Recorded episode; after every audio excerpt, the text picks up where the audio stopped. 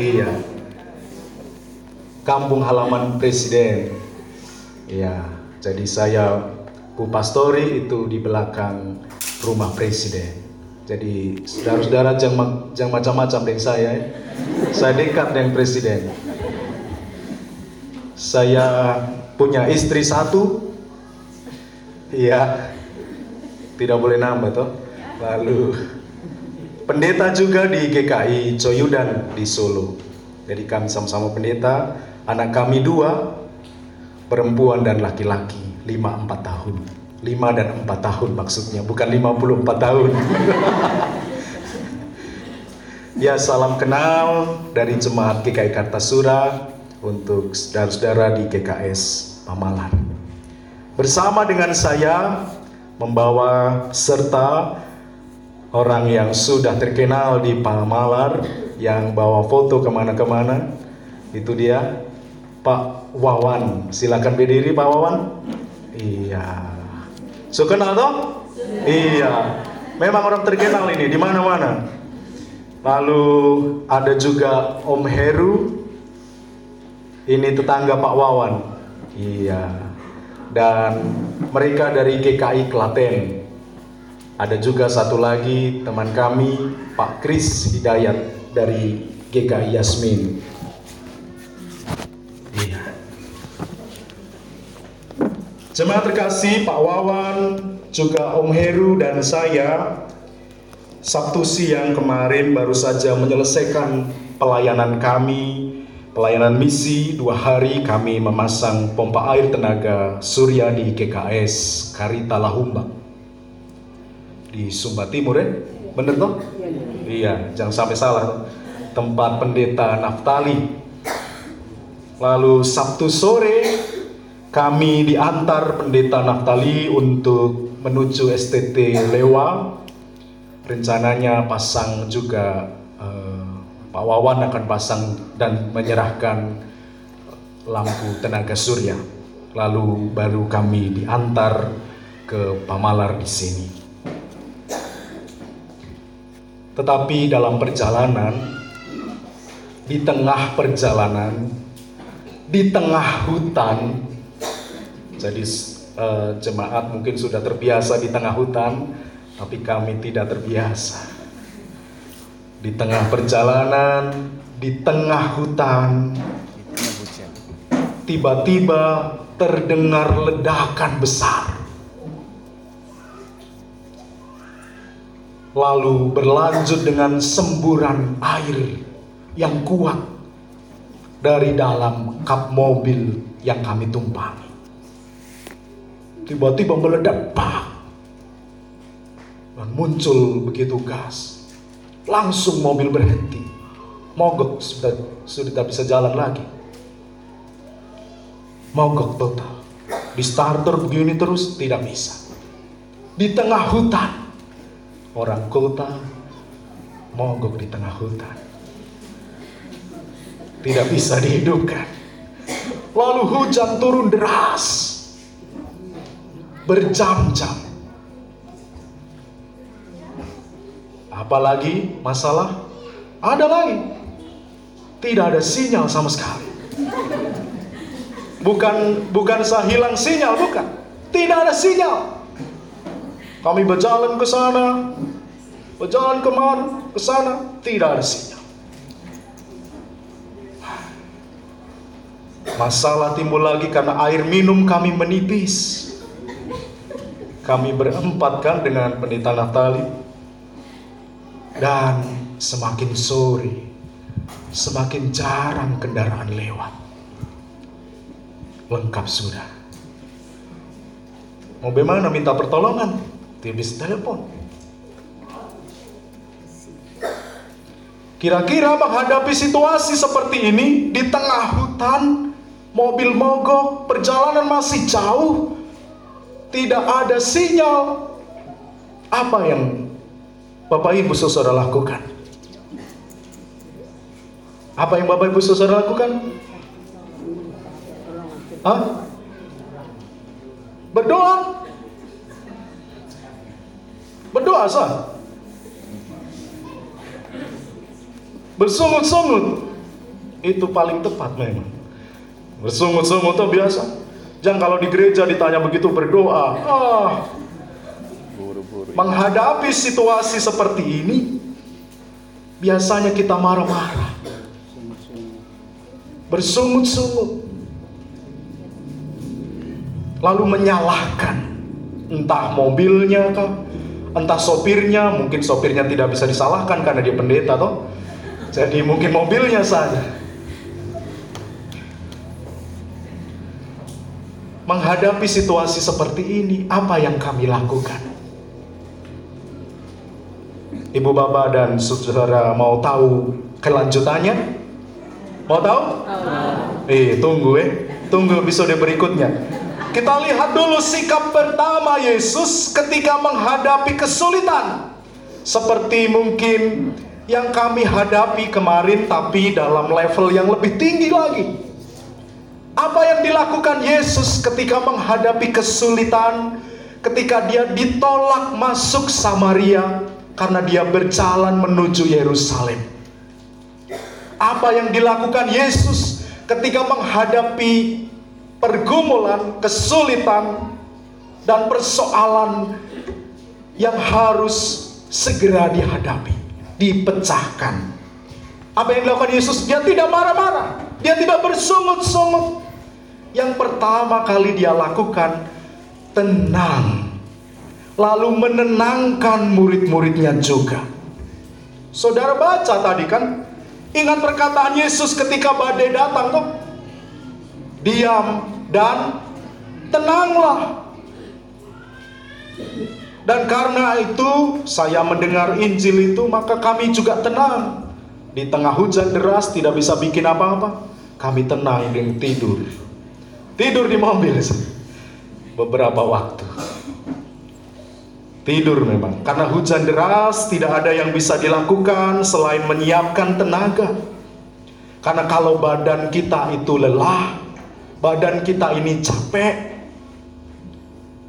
maka lalu muncul masalah, apa biasanya tanggapan kita? Kalau sedang capek, sedang lelah, punya masalah, bagaimana biasanya? Marah-marah, pulang kerja, pulang dari sawah, pulang dari ladang, dari kebun, belum dikasih minum, belum dikasih makan, sudah ada masalah. Pasti kita marah-marah. Itu yang kita hadapi kemarin. Kalau kondisi badan capek, pasti marah-marah. Daripada kami marah-marah, maka lebih baik menjadi tenang. Ada saatnya dalam hidup untuk kita menjadi tenang. Tenang itu adalah seni untuk mengelola emosi. Untuk mengelola emosi dalam situasi terdesak dan panik. Itu bukan buru-buru memutuskan. Bukan kalau kata orang Jakarta bilang, lu jual gua beli, bahkan gua borong. Tidak. Tapi ketika situasi sedang sulit, kita diajak untuk tenang. Ada saatnya, apalagi dalam masalah besar, kita diajak untuk mundur sebentar. Itu yang kita kenal dengan istilah retreat. Ada retreat di sini? Ya, retreat itu kumpul memuji Tuhan di mana, di pantai dan lain-lain. Retreat itu artinya mundur sebentar jadi kalau situasi sedang sulit, tidak harus selalu langsung dihadapi. Apalagi kalau kita sedang tidak stabil emosi. Kita perlu mundur, memberi waktu supaya dapat berpikir jernih, tidak terburu-buru. Nah, ketika orang-orang di kampung Samaria tidak mau menerima Yesus, murid-muridnya Yakobus lalu juga Yohanes dengan penuh emosi berkata, "Tuhan, apakah Tuhan mau kami minta api turun dari sorga untuk membinasakan orang-orang ini?" Ini apa? Ini kemarahan para murid karena Yesus tidak diterima. Karena Yesus ditolak masuk Samaria. Maka murid-muridnya menjadi emosi, menjadi marah dan lalu berkata, "Apakah biar saja Samaria ini di bumi hanguskan oleh kekuatan dari langit. Tapi apakah Yesus setuju? Tidak. Apakah Yesus menanggapi kemarahan para murid dalam situasi terdesak? Tidak. Yesus tidak tersulut emosi ketika dia terima penolakan. Dengan tenang dia menegur murid-muridnya supaya kembali pada tujuannya, pada fokusnya.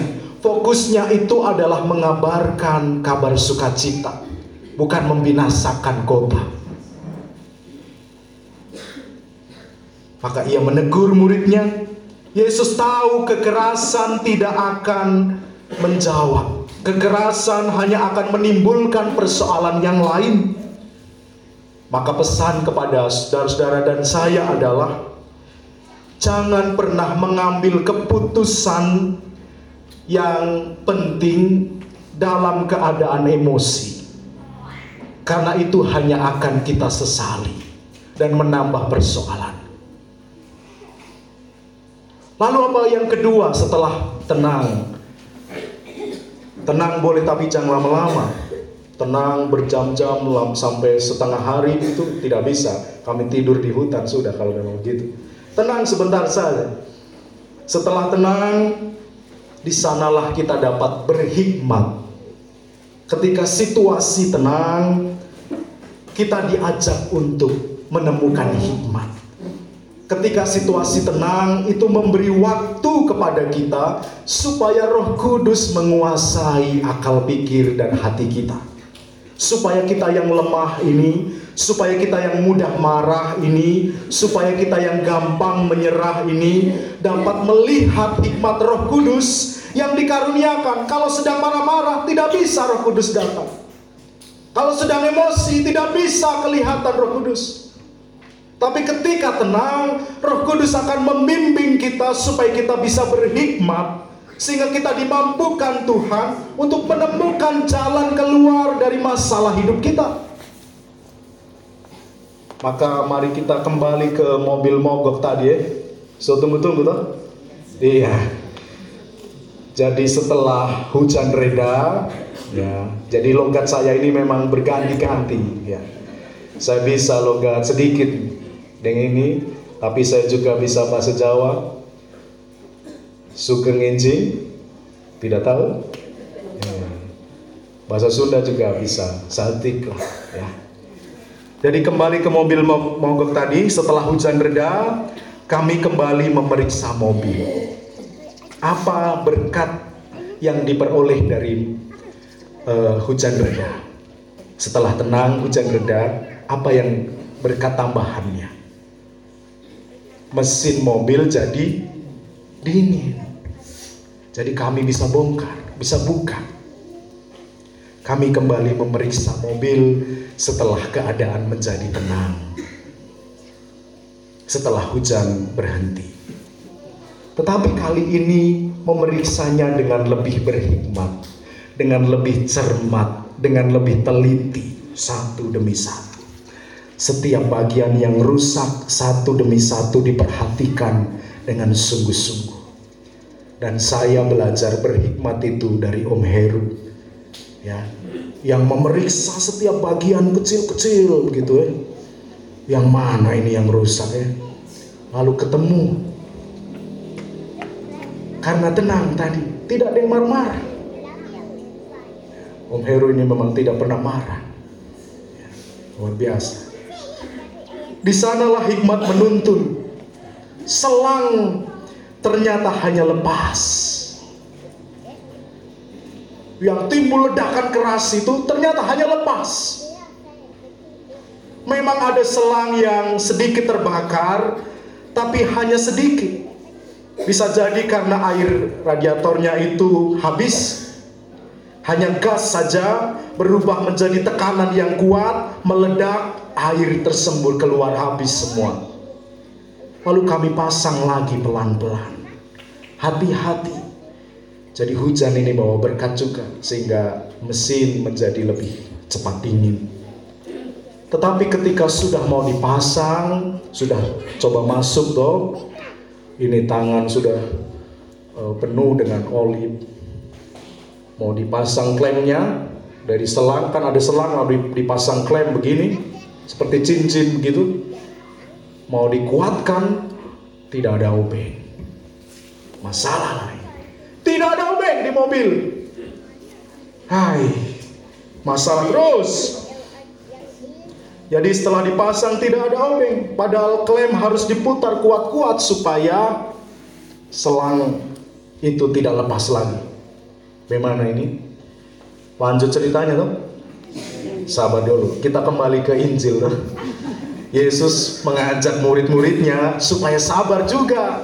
Jadi Bapak Ibu juga harus sabar dulu bagaimana kisah akhirnya. Yesus mengajak para murid agar sabar dan Yesus memberikan jalan keluar bukan dengan marah-marah, bukan dengan menghancurkan satu kampung tetapi dengan pergi ke kampung lain. Kalau di sini ditolak, tidak apa-apa. Pergi ke kampung lain. Jadi buat anak-anak muda, kalau satu uh, menolak, tidak usah bakar-bakar. Ya. Pergi saja kampung lain. Satu tolak lagi, kampung lain lain. Tolak lagi, ya mungkin kita perlu merenung dulu ya sebelum ke kampung lain sabar. Yesus beri jalan keluar tidak dengan marah-marah dia pergi ke desa lain dengan benar dan mereka berjumpa di sana dengan pemecahan masalah. Daripada menjadi emosi, Yesus mengajak untuk pergi ke desa lain dan benar di sana solusinya ada. Ada orang yang mau ikut Yesus. Bukankah itu tujuan pemberitaan Injil? Ada orang yang mau ikut Yesus. Jadi tidak usah marah-marah membakar kampung. Ada orang lain di desa lain yang mau ikut Yesus. Mereka berjumpa dengan dua orang yang ingin ikut Yesus. Tetapi muncul masalah lain, masalah lain, masalah lain lagi. Ya, dua orang yang mau ikut Yesus ini ribut sendiri, ribet sendiri dengan hidupnya. Yang satu ribut mau pikuburan dia, e, mau menguburkan bapaknya, satu lagi mau minta pulang bertanya dulu dengan dia punya keluarga, mau minta izin. Dan ayat ini sering sulit dipahami. Apakah tidak boleh menguburkan bapak atau keluarga sebelum mengikuti Yesus? Kok sepertinya Yesus ini tidak bisa melihat hal baik dari keluarga. Wajar kok kalau mau ikut Yesus kuburkan bapak, ibu atau keluarga dulu wajar kok. Tapi kenapa Yesus bilang tidak boleh? Yesus sama sekali tidak menyuruh untuk tidak peduli dengan orang tua dan tidak pernah mengajarkan untuk tidak mengasihi orang tua yang sudah meninggal, yang sudah wafat. Tetapi dalam tradisi Israel, dalam tradisi Yahudi, tidak mungkin ada seseorang, ada orang yang mengalami kedukaan bisa jalan-jalan dan ketemu Yesus. Jadi, apa yang sebenarnya terjadi? Dalam tradisi Israel, kalau orang keluarga dekatnya itu meninggal, dia tidak mungkin jalan-jalan atau berada di jalan dan bertemu dengan Yesus. Karena apa yang dilakukan dalam tradisi Israel, kedukaan itu tidak bisa pergi dari rumah. Dia tidak bisa keluar dari rumah. Dia pasti di rumah dan harus menangisi kepergian anggota keluarganya. Jadi yang terjadi sebenarnya adalah ayahnya ini belum meninggal. Ayahnya ini belum wafat. Dia kasih alasan, dia mengelak untuk ikut Tuhan sekarang. Ia baru mau ikut Tuhan setelah nanti ayahnya meninggal dan dia pergi menguburkan. Itu maksudnya. Jadi bukan ayahnya meninggal lalu mau ikut Yesus tidak boleh menguburkan, bukan. Dia baru mau ikut Yesus ketika nanti ayahnya sudah meninggal, dia kubur, lalu baru ikut Yesus. Nanti ikutnya, tidak sekarang. Jadi sementara ayahnya masih hidup, ia belum dapat mengikut Yesus. Jadi ini bukan anak bukan anak yang berbakti sebenarnya. Justru ini anak yang agak durhaka memang. Karena dia menunggu toh, menunggu sampai bapaknya mati baru dia ikut Yesus. Mungkin doanya, Tuhan kapan ya bapak saya mati supaya saya bisa ikut Tuhan. Sebab dia tunggu ayahnya segera mati supaya bisa ikut Yesus. Kan begitu. Tidak apa-apa ikut Yesus ketika orang tua masih lengkap. Malah bangga tuh mengikut Tuhan ketika orang tua masih lengkap. Tapi dia tidak mau, dia alasan orang tuaku meninggal dulu aku punya kewajiban menguburnya baru ikut Yesus. Artinya dia mau tunda ikut Yesus, tidak sekarang. Orang kedua juga sama. Dia minta persetujuan, minta izin keluarganya. Minta izin keluarga itu memang hal baik. Tetapi kita lihat situasinya. Kalau semua keputusan dia minta izin keluarga, baik tidak? Orang dewasa sudah tua, apa-apa harus tanya di keluarga. Misal mau pergi ke mana harus ditanya dulu, harus bekerja ini, harus tanya dulu, baik tidak? Tidak semua hal baik untuk ditanyakan, dimintakan kepada keluarga. Apalagi ini orang dewasa, sebagai orang dewasa harus punya pertimbangan sendiri, rencana sendiri, pemikiran sendiri, keputusan iman sendiri. Dan mengikut Yesus itu bukan keputusan keluarga, Mengikut Yesus itu keputusan pribadi kita. Mengikut Yesus itu keputusan kita masing-masing dari pengalaman pribadi kita, bukan kata orang. Sekalipun ada ajaran, ajakan, tapi yang paling utama itu hati kita untuk mengikut Tuhan. Maka yang dibutuhkan untuk ikut Yesus adalah percaya Percaya itu tidak hanya menjadi Kristen. Percaya itu tidak hanya kalau aku sudah dibaptis, sudah sidi, selesai. Tidak. Itu hanya permulaan. Karena percaya itu berarti bersedia untuk terus melihat pertolongan Tuhan ketika persoalan dan beban hidup itu datang. Percaya itu meyakini pemeliharaan Tuhan apa pun yang terjadi dalam hidup kita. Maka dalam episode terakhir mobil mogok tadi, ya, kami percaya saja ada mujizat ketika tidak ada obeng untuk kami putar klem dan mobil bisa kami coba lagi. Pasti mujizat terjadi. Ada videonya itu Pak Wawan kasih video. Mujizat pasti nyata begitu ya kira-kira.